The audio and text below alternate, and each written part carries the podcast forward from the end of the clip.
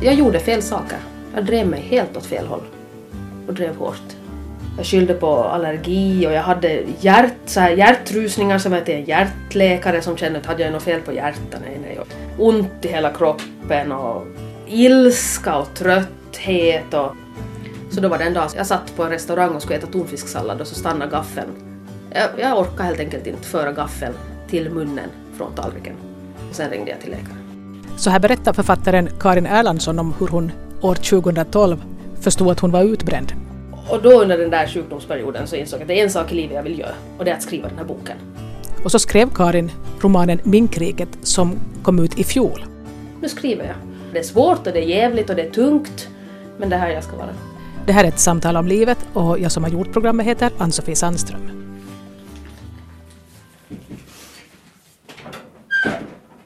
Hallå? Hallå? Det är rätt människa, vad bra. Ja. ska vara lite snopet att komma in till någon annan. Dricker du kaffe? För jag har lagat färdigt så jag ska Ja. ni ha. Ja tack, jo tack, jag tar gärna kaffe. Så du är under sportlovet igen? Ja. Ja, precis. Jag hade bett Karin Erlandsson komma hem till mig en tisdag i februari. Ett par dagar innan det blev känt att hennes debutroman Minkrike hade nominerats till Nordiska rådets litteraturpris. Egentligen hade jag tänkt spela in ett samtal om livet med Karin redan när hon besökte Nykarleby i november. Men den gången var det ont om tid så vi kom överens om att försöka sammanstråla på sportlovet istället. Och den här gången lyckades det. Jag tänkte att vi skulle prata om Karins skrivande i största allmänhet och om hur det kom sig att just hon hade skrivit en roman som handlar om en minkfarmarfamilj. Och så var jag också lite nyfiken på orsakerna till att hon bor på Åland. Karin Erlandsson har vuxit upp i Nykarleby precis som jag men hon föddes samma år som jag flyttade bort för att studera. Ska det vara någon viss tid någonstans? Nej. Nej. Men vi försöker hålla oss så att vi tar in så mycket mer än en och en halv timme. Så är det bra. Det jättebra.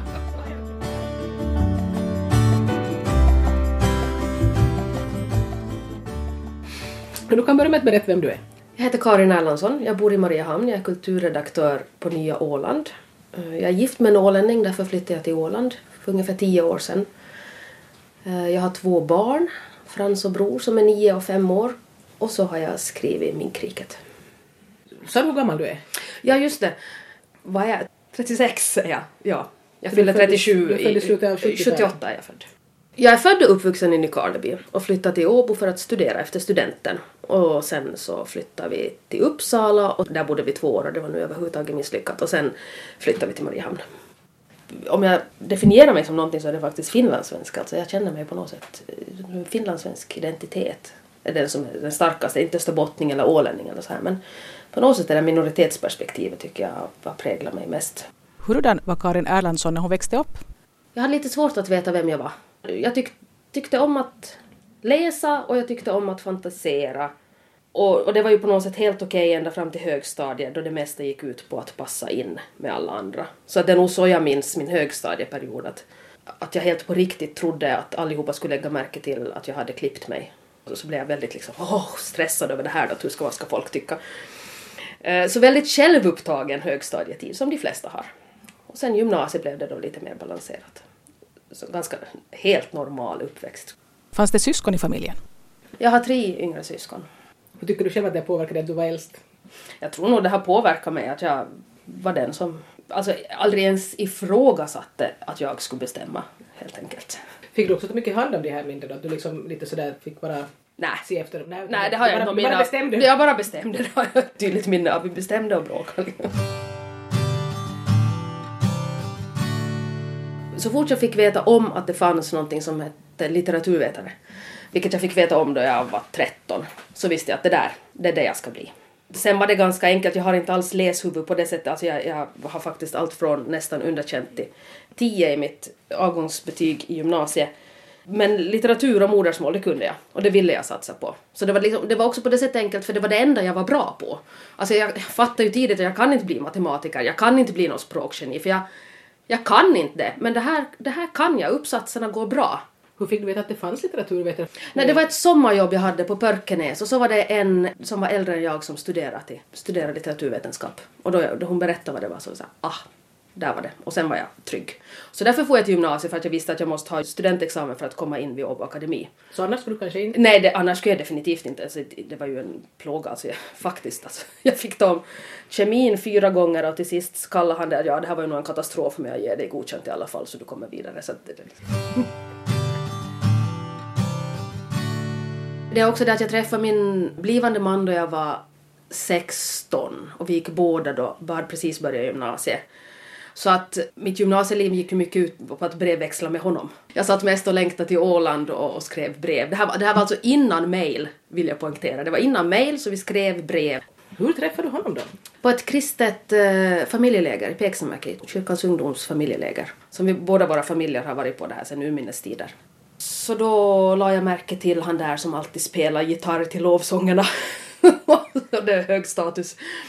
Ja, så, så började vi brevväxla helt enkelt. Men när blev det mer en brevväxling då? Eh, Det tog en månad efter det här lägret. Han har släkt i Österbotten så han kom hit och firade villavslutning. Och då var det första kyssen och hela alltihopa. Var det bara det här gitarrspelet som gjorde att det var just honom du fick ögonen på eller var det liksom... Alltså helt seriöst, det här är en historia jag har berättat, eller skrivit om några gånger men jag har aldrig berättat den. Alltså lägrets snyggaste kille var så snygg, han hette Svante. Och han hängde med en bleksiktig kompis som hette Fredrik. Och så en, en, en dag på eftermiddagen på volleybollplanen så gick vi ett gäng fnittrande tjejer och skulle känna på, på Svantes magmuskler. För det var då, kändes så fullständigt logiskt att vi skulle göra det. Bara, får vi känna på dina magmuskler. Så kände vi bara Svantes magmuskler och sa nåja. Och sen måste vi för att vara artiga fråga vi också att får vi känna på Fredriks magmuskler. Så kände, och han hade mhm så stabila magmuskler och det var då jag fick upp ögonen för Fredrik och bara mm, vem är det här? Och sen visade alltså han är jazzmusiker och han är trumpetare och det här med att spela trumpet ger tydligen väldigt starka, mm, stark magmuskulatur. Så det var liksom det som, som då, men skulle inte ha varit för de här magmusklerna så skulle jag inte ha, ha fått upp ögonen för någon annan än Svante. Så det där magmuskler var liksom... Det var liksom magmusklerna som var, ja, så ytlig är jag. Du ska tänka det här är då ett kristet, vi är, vi är 16 år, det här uppvaknande sexualiteten som samtidigt är lite förbjuden att få känna överhuvudtaget på en kille liksom. Så här, man måste ha chansen. Som det här kristna, fanns det liksom i din... Det har funnits eh, hela mitt liv, ja. Så du skulle inte ens ha kunnat tänka dig att för att känna på magmuskler på någon som inte var på ett sånt läger? Du skulle du skulle gått på någon... Jag rörde mig egentligen bara i såna kretsar, så att det var egentligen aldrig en fråga. Du fortsatte att brevväxla med den här Fredrik. Ja, då blev vi tillsammans då efter en månad, 95, augusti. Och så träffades vi då, alltså inte hade vi möjlighet att träffas så mycket. Så ni fick Eh, skriva och skriva? Vi skrev och skrev och så ringde vi förstås. Det här var också innan mobiltelefonerna då. Så vi ringde på fasta telefoner och störde alla andra samtal. Tala länge. Tala länge, så här två och en halv, tre timmar. Och sen då liksom så träffades vi. När det gavs möjlighet sådär var, var tredje, fjärde, femte vecka, helg någonting. Det tar ju 13 timmar att ta sig en väg från Nykarleby till, till Åland så att så gifte vi oss 98 sen så att då- Ni var ganska unga när ni gifte er. Ja, vi var 19. Och ni var båda två helt säkra då redan. Ja. Alltså jag så, Ja. jag är så fascinerad över att folk kan vara så... Ja, men, men om jag nu får prata sådär kristet språk som det sades mycket då, så handlar det ju också om att bestämma sig. Och det gjorde vi. Det är klart som alla andra har vi upplevt en massa skit och skräp under de här åren. Men eh, nu är han fortfarande den jag vill. Jag, liksom, han bekräftar mitt liv och jag känner inte att mitt liv är riktigt fulländat ifall jag får berätta om min dag för honom. Så att, Och ni har tycks ha utvecklats i, i sån riktning att ni fortfarande... jo, För jag menar, det kan ju, när man är så pass ung så man... Folk ändras hemskt mycket mellan 15 och 25 liksom. Ja, det var ju en chansning som, som vi kanske inte förstod att var en chansning, men som utvecklades väldigt väl. Vi utvecklades båda två och har också stimulerat tror jag varandras kreativitet väldigt mycket, att vi har förståelse för det där. Och när jag sen började skriva intensivt böcker så, så var Fredrik mer och sa äntligen förstår du mig, för han spelar trumpet två timmar per dag. Och blir väldigt frustrerad då han inte får, får göra det. Men när jag upplever den där samma frustrationen att får inte jag skriva mina tusen ord på, om dagen så, så blir jag lite galen. Tror du det är bra att man har skilda liksom sådana inriktningen så det, att man båda två har någonting kreativt men att det inte är samma? Eller? Jo, vi är dessutom båda två äldst så att jag vet alltid bäst har jag bestämt. Vilket Fredrik också han har också bestämt att han alltid vet bäst. Så vi, vi ska inte göra någonting gemensamt. Alltså vi försökte renovera ett dass en gång och det är alltså en kvadratmeter och vi skulle försöka samarbeta. Det slutade med att jag gick till stranden. Nu går jag, sa jag bara och så gick jag. Men så att eh, det är bra att vi har skilda områden. Verkligen.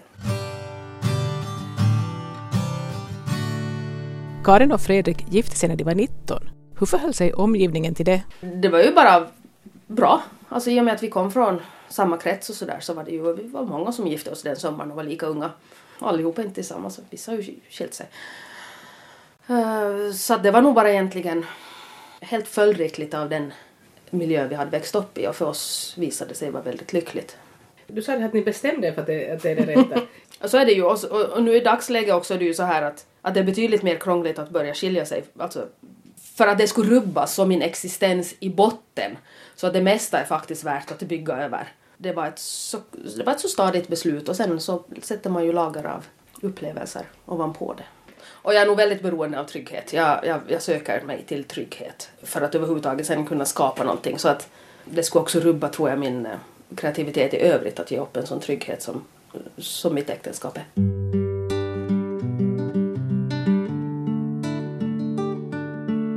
Hurdan var studietiden för Karin Erlandsson? Eh, Sökande i början, stabil på slutet. Och ni var tillsammans? Vi var tillsammans hela tiden, ja. Alltså bodde ni tillsammans? Vi bodde tillsammans och... och Nej, ni var ju gifta. Ja, vi var ju gifta, jösses. Jo, jo. Fredrik studerade musikvetenskap och jag litteraturvetenskap och det var sådär... Nej men sådär som studielivet. Ja, men ni blev ju färdiga, åtminstone du. Jo, jo, vi blev båda två färdiga inom fem år. Det är ju inte normalt. Nej, det kan Från min tid då var det, då var det liksom mer, "Aj, ser du har blivit färdig? Jo, jo, nej, det här var precis i brytningsskedet. Sen, sen hade det ju blivit ännu hårdare. Att nu, men, men då var det ändå sådär att man tog magister direkt och skrev sin gradu och så här. Karin Erlandsson har också studerat kvinnovetenskap. Ja, det är mitt biämne. Hur kom det sig att du var intresserad av det? Det är biämnena, jag var inne ett tag på folkloristik men sen på kvinnovetenskap var det faktiskt, där fick man ifrågasätta. Jag tyckte annars på de här akademiska ämnen så var det väldigt mycket att, att så här är det. Men de kurser som jag tog då i första året på kvinnovetenskap så lärde jag mig på något sätt att ifrågasätta normer och att det fanns normer och det, det var jättespännande att, att se världen på ett annat sätt. Och då fick man inte ha det som huvudämne utan det var bara biämne, det var ganska nytt då. Tycker du att det som du lärde dig där och det som du stämde överens med hur du annars tänkte på världen och sånt också? Eller? Det gjorde det och gav mig redskap att de liksom orättvisor som man lite hade känt och de, alla misstag som finns i världen så gav på något sätt en förklaringsmodell som jag kunde köpa och som jag kunde känna igen mig i och sådär. Det där var självklart för dig att man, man ska inte behandla flickor och pojkar olika bara för att, vad de har för utrustning mellan benen utan att... Nej, precis. Ja, det var passar helt överens med hur jag såg på världen. Det jag tycker är särskilt frustrerande är att inte männen förstår på något sätt att det också handlar om männens frigörelse. Att, att pojkarna får fler valmöjligheter också. Det handlar inte alls om att flickorna bara ska få mera makt utan om att pojkarna också ska få hela spektret av känslor och upplevelser och erfarenheter. Ja, och makt liksom. Vem har sagt att makt är någonting i sig som Ja, ska vara någonting man måste ha? Utan man, att också pojkar skulle få ägna sig åt annat än att försöka ha makt över Ja, andra pojkar. precis. Att de Ja. skulle få vara det de är. Ja. Vi kunde säkert ha pratat om det här med kvinnovetenskap och könsroller hur länge som helst. Men eh, när var det nu då egentligen som Karin och Fredrik Erlandsson flyttade till Åland? Alltså först 2005 flyttade vi för definitivt. Så det är bara typ tio Det är år sedan. tio år sedan, ja. Finns det ett glas vatten annars? Jo, klart. Ja. Tack. Väldigt gott kaffe. Då hade vi varit i Åbo, då hade vi varit i Uppsala och vi trodde länge att Sverige det är liksom vårt hem och så flyttade vi till Uppsala och där kände jag bara att nej, det här går aldrig. Så flyttade vi till Åland och direkt, egentligen från första dagen kände jag här vill jag bli begraven. Alltså inte sådär imorgon men, men nu är jag inte på väg någonstans. Och det var, det var jätteskönt att komma hem. Vad var det med Sverige då som inte kändes rätt? Jag vet inte, jag tror, alltså, eftersom jag är uppväxt i Österbotten och med, med hela den här svenska barnkulturen och så här så trodde jag att det inte skulle bli en kulturkrock. Men det blev en kulturkrock och den var jag inte beredd på. Skulle jag ha flyttat till Thailand så kanske jag skulle ha förberett mig på att här är människor annorlunda. Eller sådär, att man, man ser på saker på ett annat sätt. Men i Sverige trodde jag att åh, de är som jag, eller vi är likadana och så var det inte så. Och sen var jag, jag försökte, eller jag frilansade som litteraturkritiker så jag hade inte någon arbetsplats, jag hade inte något sammanhang heller och det påverkade också förstås. Så ni funderar aldrig på att flytta till Österbotten? Inte? Nej, varken Fredrik eller jag kan finska. Och här är det nog sådär att man kanske skulle måste kunna finska för att kunna jobba. Så du menar att finskan var så pass, du kom igenom det medan... Det var, alltså det var nog, det var på håret verkligen. Ja, men berätta då om när ni flyttade till Åland. Vad, vad började du göra först när ni kom dit? Nej, då, alltså då hade vi bott i Uppsala två år, egentligen hata varje dag. Och sen så, så frilansade jag då för, för ett gäng finlandssvenska tidningar. En av dem var Nya Åland. Och då erbjöds jag sommarjobb på Nya Åland. Och då sa jag nu flyttar vi dit. Det må bära eller brista för här kan inte vi vara. Så då flyttade vi till Mariehamn och så fick jag sommarjobb på Nya, sommarjobbade jag på Nya Åland och sen så fortsatte det som ett vikariat helt enkelt. För att småningom bli fast tjänst som, som allmän reporter och när kulturredaktören gick i pension och det var ju dit jag hela tiden hade sträva så fick jag hans jobb. Så att så var det nu.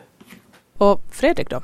Han flyttade ju hem han så att och han trivdes nog också redan från början. Han har sen jobbat på folkhögskolan och nu jobbar han på Jomala församling som församlingsmusiker. Det är inte samma som kantor det. Nej, det är inte för han är inte kantorsutbildad. Utan han spelar lite trumpet och håller lite barngrupper och spelar orgel ibland och sådär.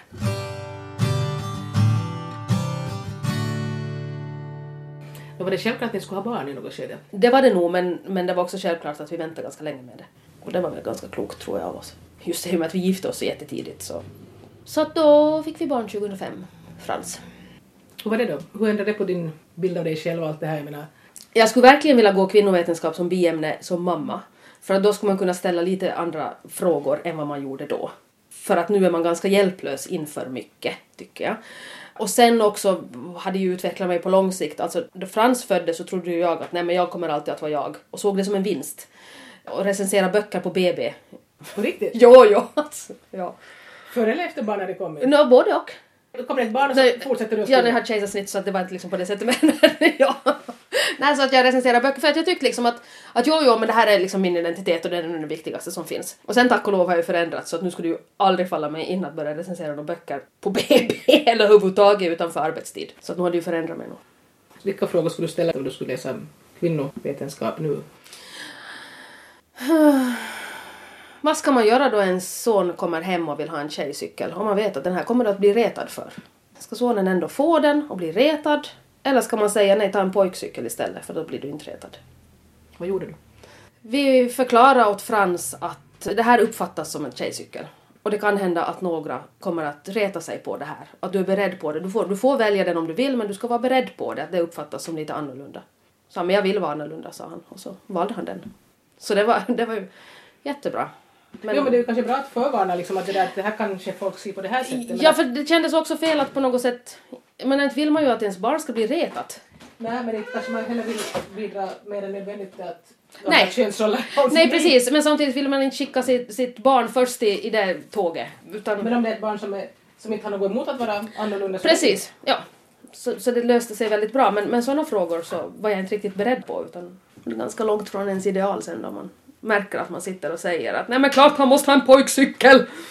Svart med dödskallar istället för rosor. Alltså, det, var, det är lite tråkigt att man blev så. Eller inte blev jag sån, men nog hellre sån än att mitt barn ska bli retat. Karin Erlandssons roman Minkriket kom ut i fjol. När skrev du själv din första berättelse som du Det var nog så på? fort jag kunde skriva tror jag. Det har nog alltid, det har alltid varit mitt sätt att hantera världen, att skriva om den. Skrev du dagbok också? Ja, dagbok, berättelser, tidningar, dikter, liksom allt. I vilket skede bestämde sig Karin Erlandsson för att hon skulle skriva en roman? Alltså jag började skriva den här boken 99, 2000, någonting där. Så då skrev jag det första stycket. Och då hade jag inte en aning om vad det skulle handla om. Eller nej, jag visste exakt vad det skulle handla om. Det skulle handla om minkfarmning. För jag hade förstått det där att, att minkfarmning är inte normalt på alla andra ställen som det är i Nykarleby. Var det så att du hade liksom, du hamnade och förklarade för folk på andra ställen i Svenskfinland att sånt här inte är helt vanligt här? Att du märkte att det var något som folk inte känner till? Att du... Jo, alltså det var ju det där men det där att allt, all, farmaci styrde ju allt. Alltså att man inte fick pennor på hösten då skolan började för att nu hade pälspriserna gått ner. Och det var helt självklart. Och så kommer man utanför uh, Nykarleby och inser att jaha, att här har det ingen betydelse för vad pälspriserna är upp eller ner, man får pennor i alla fall. Det är ju så otroligt stor näring, det går ju att jämföra med taxfree för Åland. Att det är inte bara någon liten sån här sidonäring utan det sätter ju agendan för hela, för hela ekonomin, för ett helt samhälle.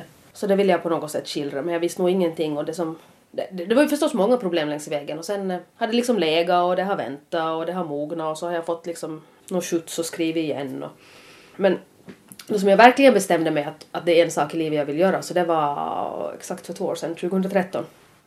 Januari 2013. Då hade jag precis varit sjukskriven ett halvår, jag hade varit utbränd och då under den där sjukdomsperioden så insåg jag att det är en sak i livet jag vill göra och det är att skriva den här boken. Och då började jag i januari 2013 Från början då igen eller gick du tillbaka? till Nej, alltså det var nog väldigt lite jag kunde behålla på något sätt från ursprungsmanuset.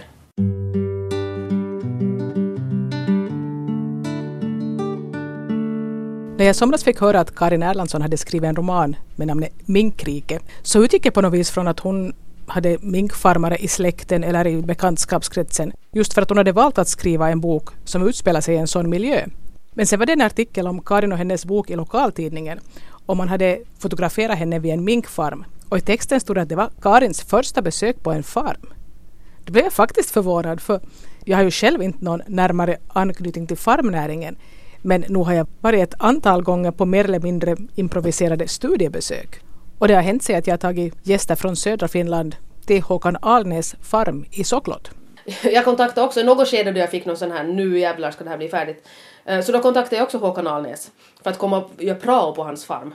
Men sen så drog jag mig på något sätt och sen, sen var det också sådär att nej men jag trodde nog inte att det här projektet någonsin skulle bli färdigt. Och då kändes det lite förmätet att börja göra prao och, och, och inbilla någon stackars farmare skulle ha någon snärta med sig där i, mitt i näringen. Då det inte ens kanske skulle bli en bok. Så då, då var det också, det var ju en av ursäkterna att jag kan inte någonting. Jag berättigar för mig själv att inte skriva genom att tänka att jag inte kan någonting. Men sen, sen så insåg jag att, att det finns ju inte någon ände på ursäkter. Så det där var också bara en ursäkt att jag inte kan någonting. Jag skulle hitta på, jag menar, det, det är ju det som böcker går ut på att man hittar på. Inte det är egentligen något svårare att hitta på minkfarmningen om 1800-talsseglation eller någonting annat. Men någonstans måste du ha fått den här kunskapen om hur det nu går Brages, Brages pressarkiv. Jag läste som den akademiker jag i botten är så gick jag till Brages pressarkiv och liksom tog fram alltihopa från, från 50-talet och framåt om pälsfarmning och Nykarleby och rävflickor då. Och så läste jag in mig och där det har gjorts ganska få intervjuer för att igen tror jag det där symptomet av att det är så vanligt så att vad ska man nu gå och prata med någon farmare. Men det var några, eh, speciellt en intervju som hade gjorts med en av de här pionjärerna på, på 30-talet när han började. Så han började liksom med det här att det finns en scen i boken med där de lagar minkmat på spisen med apelsinjuice och så här. Och han berättade att så här precis var det. Att man hittar liksom Något recept någonstans eller? Nej, ihjälkörda djur på vägen tänkte jag säga. så kokar man ihop det då med apelsinjuice och vad man nu hade. Lite fisk om man fick tag på det. När jag själv läste boken så var jag helt villig att tro att livet på en farm kan gå till på det sättet som Karin Erlandsson beskrev det. Och när jag frågade andra som känner till näringen bättre än vad jag gör så sa de samma sak att ja, det kändes trovärdigt. Alltså jag skrev ju då alltså just den här eh, pälsscenen och allt sånt här. Så hur svårt kan det vara att man måste ju skära någonstans och så kanske det kommer blod och så här.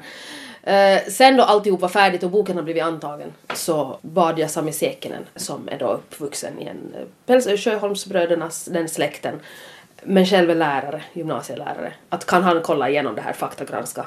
Och det gjorde han med den äran, men inte så stor ära för mig för att han, han skrev tillbaka sen sju tätskrivna sidor med korshänvisningar om alla fel jag hade gjort och, och sen var det bara att liksom börja gå in då att på sid 72 har jag skrivit att burarna ser ut så här men då ska det egentligen se ut så här och så. Sådana saker kan ju folk faktiskt hänga upp sig på så det är ju bra, det- det, det är bra att fixa det kanske. Det är, jag tycker det är jätte, för det bryter ju fiktionen. Då man läser en bok så är man ju helt, det här händer på riktigt. Och så om någonting inte händer på riktigt, som man vet, så då, då är man ju från, då man kastas ur den där överenskommelsen som romanen är.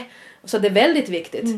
Eh, Men jag tyckte att det var väldigt roligt. Alltså, det svåra tycker jag då man skriver böcker är ju att hitta, alltså den där, det där då man, då man ska börja på den där jävla boken och man kan hitta på precis vad som helst. Och det är liksom 200 tomma sidor framför en. Och man bara, ingenting finns ifall inte jag har hittat på det. Det tycker jag är ganska förfärligt faktiskt. Det är, liksom, det är en tung del av det. Men den här delen är ju på något sätt riktigt att pilla och gå in. Jag tycker om den delen.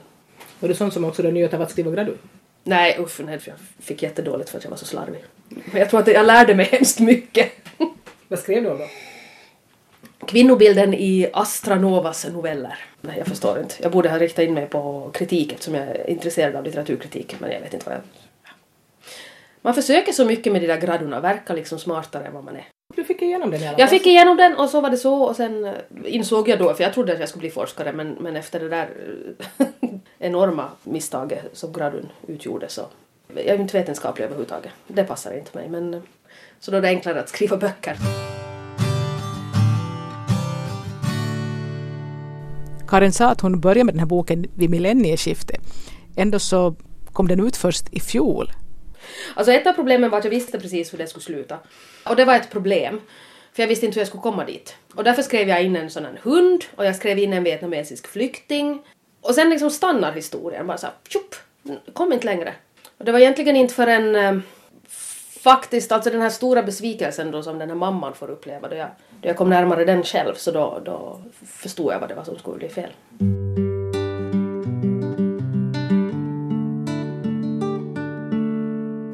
Hade du skrivit någon annan bok, eller kommit med en annan bok som var före den här romanen som du hade... Sött och nött en bakbok Just. med loppiskrönikor och eh, bakverk. Gick det lättare att skriva?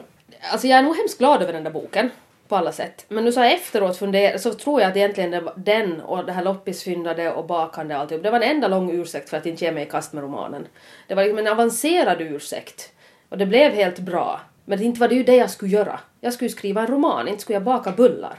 Varifrån kommer den här övertygelsen att du skulle skriva en roman? Bara har, det finns den bara Alltså, det, alltså jag, jag är nog inte komplett om inte jag skriver. Det är bara så. Och då blir ju på något sätt en roman liksom den där slutdestinationen för att vara komplett. Hur känns det då? Nu, nu har du ju gjort det. Jag är nog en mycket tryggare människa när jag har gjort det. Det är nog bara så. Nu är jag där jag ska vara. Nu skriver jag. Och nu har jag fått liksom ut den där första och nästa var inte liksom egentligen utan då fortsatte jag bara på det spåret. Alltså jag, jag börjar på rätt spår nu.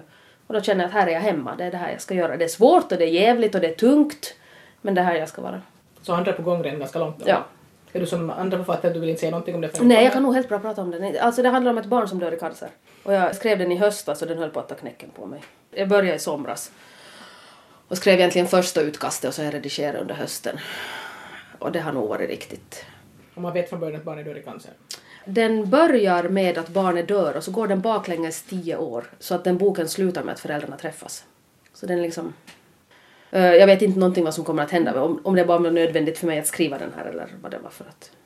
Och det var inte heller inspirerat av någonting som du själv hade... Vi har bekanta vars barn har dött i cancer. Och det var nog för ett år sedan. Och det, det var klart att det var ett sätt att bearbeta den sorgen. Det är inte alls deras berättelse. Nej, nej men alltså Nej. det är samma typ av berättelse. Det, är, så- alltså det, var ju, det var ju den sorgen och liksom sen har jag också en kusin som har dött i cancer så att jag hade, jag hade väldigt mycket sorg att, att skriva om. Men inte var det ju något roligt. Alltså, jag fryser alltid när jag skriver. Alltså oberoende av vad jag skriver så fryser jag.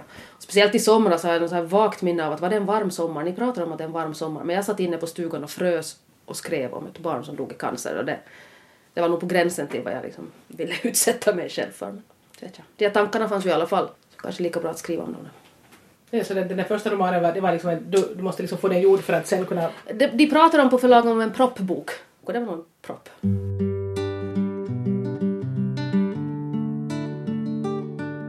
Alltså inte hade alls varit lätt att förstå att det är det här jag ska göra. Inte vet jag riktigt heller för att jag hela tiden på ett plan vet att det är det jag ska göra. Varför inte jag gör det då? Det tror jag egentligen handlar i botten om någon slags självförakt. Att jag inte gav mig det som jag helst av allt ville göra. Då måste jag egentligen jobba på min självkänsla. Har du gjort det då? Ja, det har jag gjort.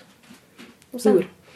Gick i terapi. Det var i samband med den här utbrändheten också. Vad var det som ledde fram till den? Utbrändheten. För mycket jobb. För dålig förmåga att säga nej. Och att jag gjorde fel saker. När var det? 2000... Sommaren 2012 blev jag sjukskriven. Och så var jag sjukskriven hösten 2012 och så började jag sen januari 2013 började Du var lite på 30, 34, 5? Vad var det? 33? Vad var det? 30, 34, 35 någonting kanske. Hur länge har du känt av att det liksom inte var riktigt bra det du höll på med? Det var nog hemskt länge. Alltså, delvis hade ju förstås med mitt jobb att göra att jag inte är journalist. Och jobbar väldigt länge som journalist. Jag har inte den där nyfikenheten som journalister ska ha. Jag är vetgirig men jag är inte nyfiken. Om en brandbil kör förbi så strunt samma. Så.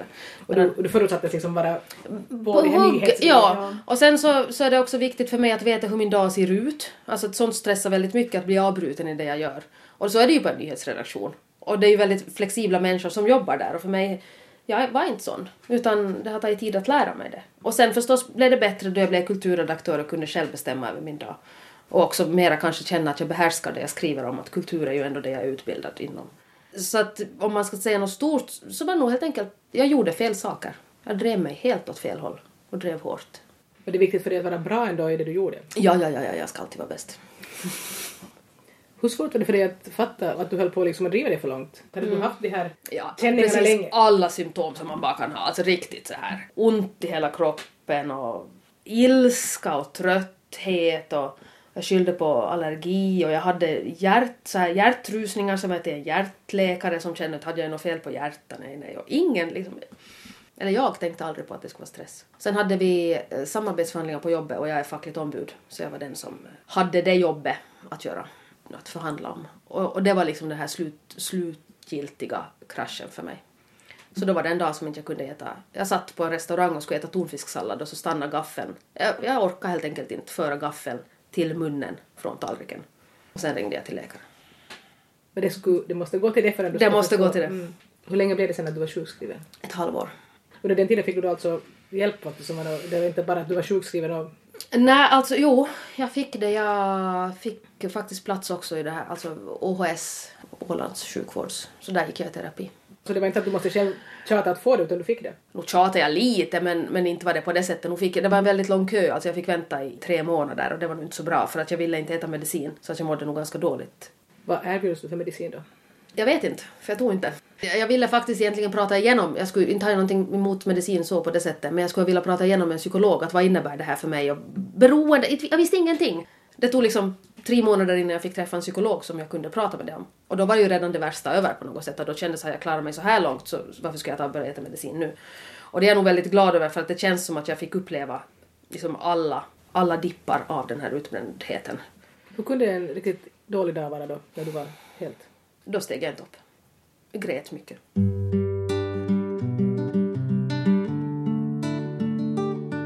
Alltså det som det resulterar i att jag inte åt medicin är att jag inte är rädd. Jag är inte rädd för att det ska komma på nytt. För att jag har upplevt liksom alla nyanser av skit i mitt inre på något sätt. Jag har inte tagit bort udden av det. Jag är inte liksom mentalt beroende av en medicin. Inte- Inte det här för alla, men för mig var det bra att uppleva det.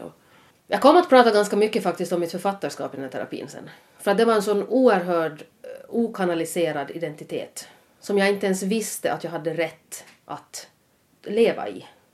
Så att jag pratar väldigt mycket om det. Skrivande, att jag, att jag skriver, att jag tycker om att skriva. Vad betyder skrivande för mig? Det var nog liksom den egentligen. Det var det, var det som gjorde mig sen liksom till... Jag kallar mig inte författare än, men, men så småningom kanske jag blir det. men den utvecklingen som började då.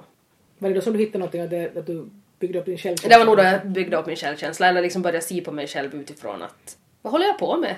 Vad, vad vill jag? Vad, vad är jag värd? Vad, hur ser jag på mig själv? Vad, vad vill jag med mitt liv? Och så började jag ta hand om mig själv. Vad mår jag bra av? Vad orkar jag idag? Vad vill jag? Framförallt sa den här, min terapeut att spola ner de här tabletterna. Och det var ju en bekräftelse på att, att jag får lyssna på mig själv.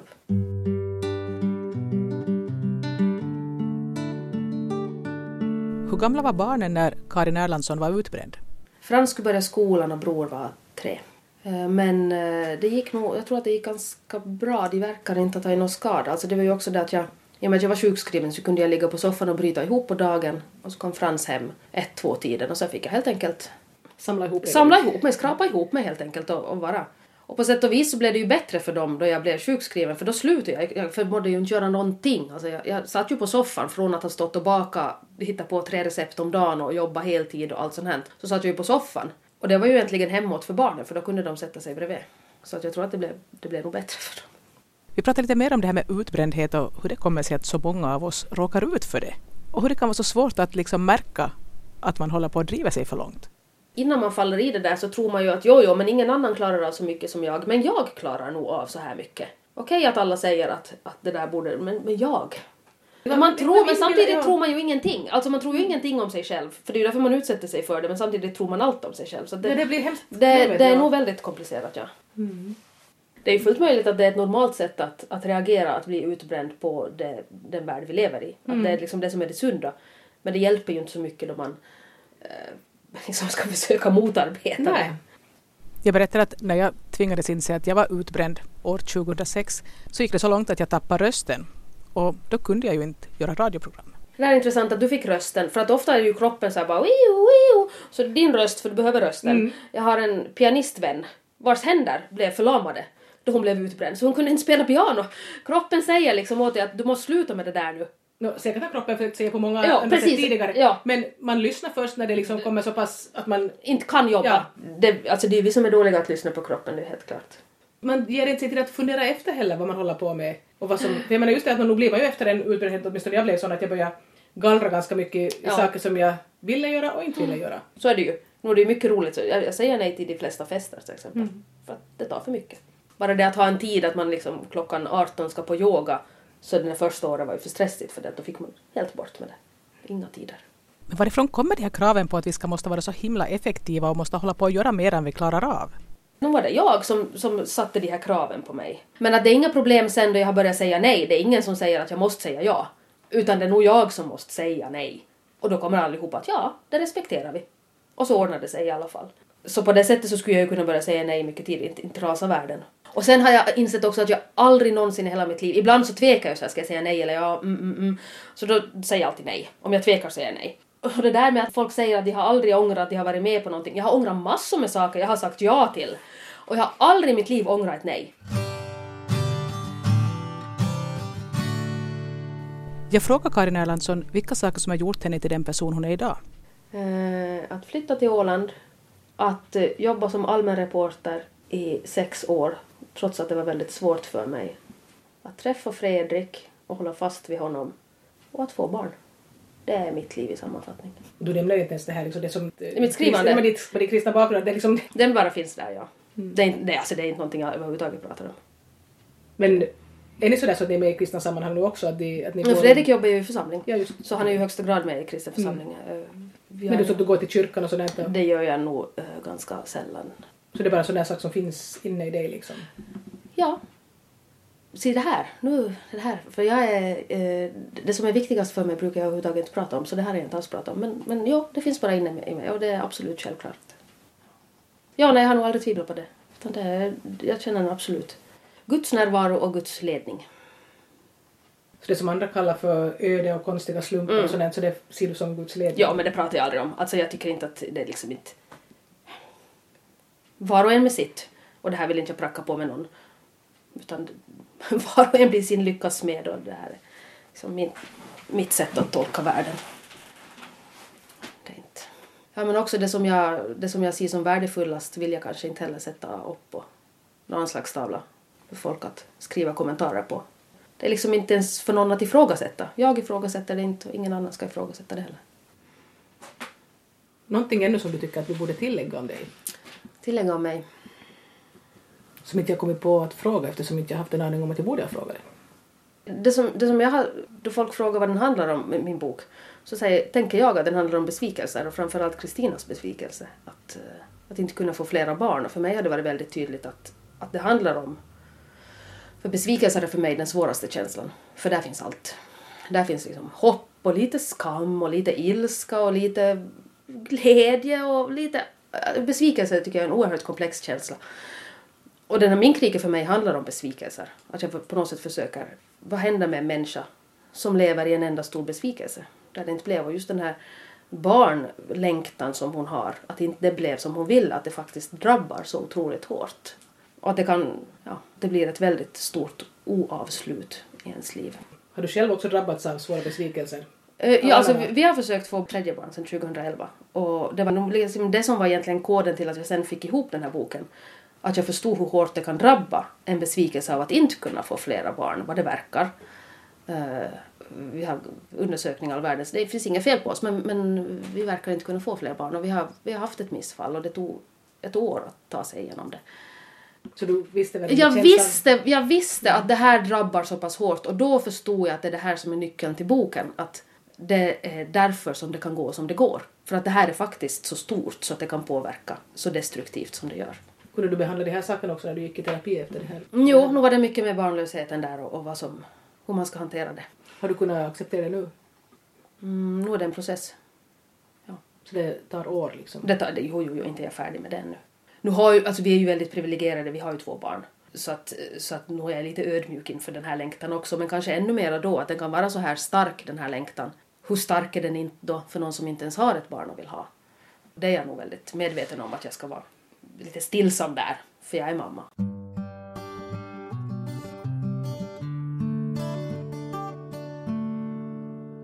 En sak som jag själv glömde fråga här tidigare var att hur förhåller man sig som författare till det här med recensioner? Jag menar, där har man satt ner en massa tid och energi på att skriva en bok och sen kommer recensionsdagen. Nu är det här lätt för mig att säga, för jag har ju fått faktiskt väldigt trevliga recensioner. Men har du fått något skit alls? Nej, inte vad jag vet. Nej, nej, okej, för, jag, för de, Ja. de, som, de som jag har råkat se har också varit liksom... Ja, nej, det har varit väldigt översvallande så det är ju lätt för mig att säga nu. Men den dagen, jag var väldigt glad över den här recensionsdagen. Den påverkade inte mig. Det var som en dag på ett nöjesfält. det här var ju kul, jättekul. Men inte påverkade mig. Nu är fortfarande mina barn det viktigaste jag har. Nu är liksom min, min identitet fortfarande tycker jag bäst om att få ut i skogen med familjen och grilla korv och göra en brasa.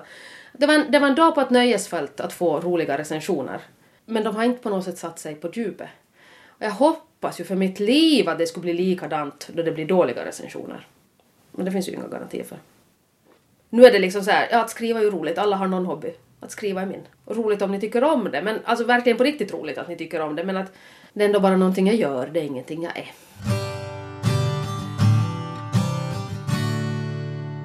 Har du en dröm om att kunna skriva på heltid? Nej, alltså jag tror faktiskt inte ens att jag, jag vet inte om jag vill det. Det passar mig väldigt bra att, eh, att jobba och få ett, ett normalt sammanhang som inte är författarskapets ganska självupptagna vardag. Och det hjälper mig att inte ta mig så stort på så stort allvar. Och så hjälper det mig ekonomiskt. Alltså de här som jobbar heltid på författare har en väldigt ekonomisk stress. Och får istället liksom skriva andra saker och göra andra saker och uppträda på skolor och sånt här. Det, det har ju jag. Skriva ansökningar till Skriva ansökningar, allt sånt här. Alltså nu, nu söker jag ju lite stipendium lite här och där. Sådär. Men jag, jag är inte säker på att heltidsförfattarskap passar mig. Ni har hört ett samtal om livet med författaren Karin Erlandsson. Och jag som gjorde programmet heter Ann-Sofie Sandström.